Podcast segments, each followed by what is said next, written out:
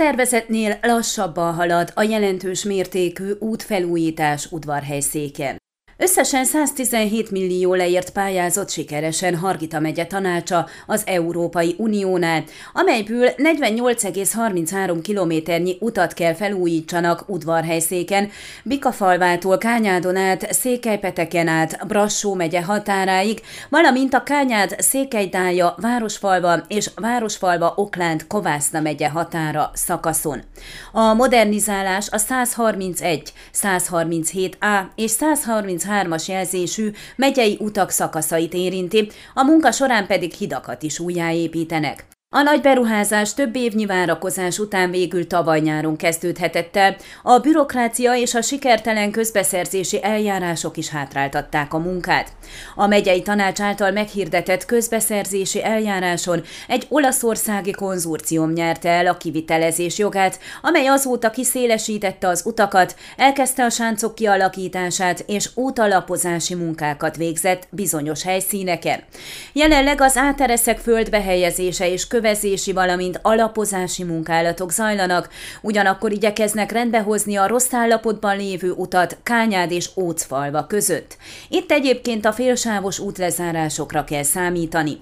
Miklósfalva határában el kell bontani a veszélyessé vált fahidat, ám ez némileg elhúzódott, hiszen a közelben lévő gázcsövek miatt külön terveket kellett készíteni, magyarázta Bíró Barna Boton, a Hargita megyei tanács elnöke.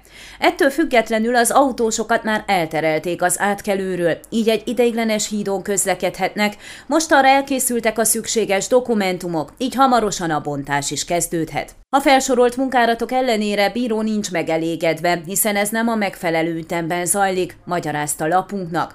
Elmondása szerint már rég ki kellett volna alakítsa a kivitelező a betonkeveréséhez szükséges munkatelepet, hogy elkezdhessék a betonsáncok építését. Emellett az átereszek elhelyezésével is jobban kellene haladni.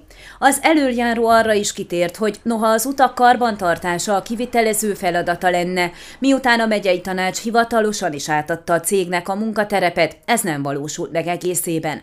Kifejezetten nagy gondok vannak a kátyúk miatt a Homoród Szentpál és a Városfalva közötti útszakaszon, amit már a lakosok is megelégeltek.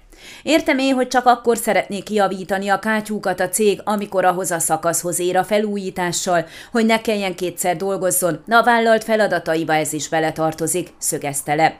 Közölte, az észlelt problémák miatt ezen a héten tárgyalni fog intézményük a cég képviselőivel, és felszólítják a karbantartás elvégzésére, valamint a munkatempó felgyorsítására.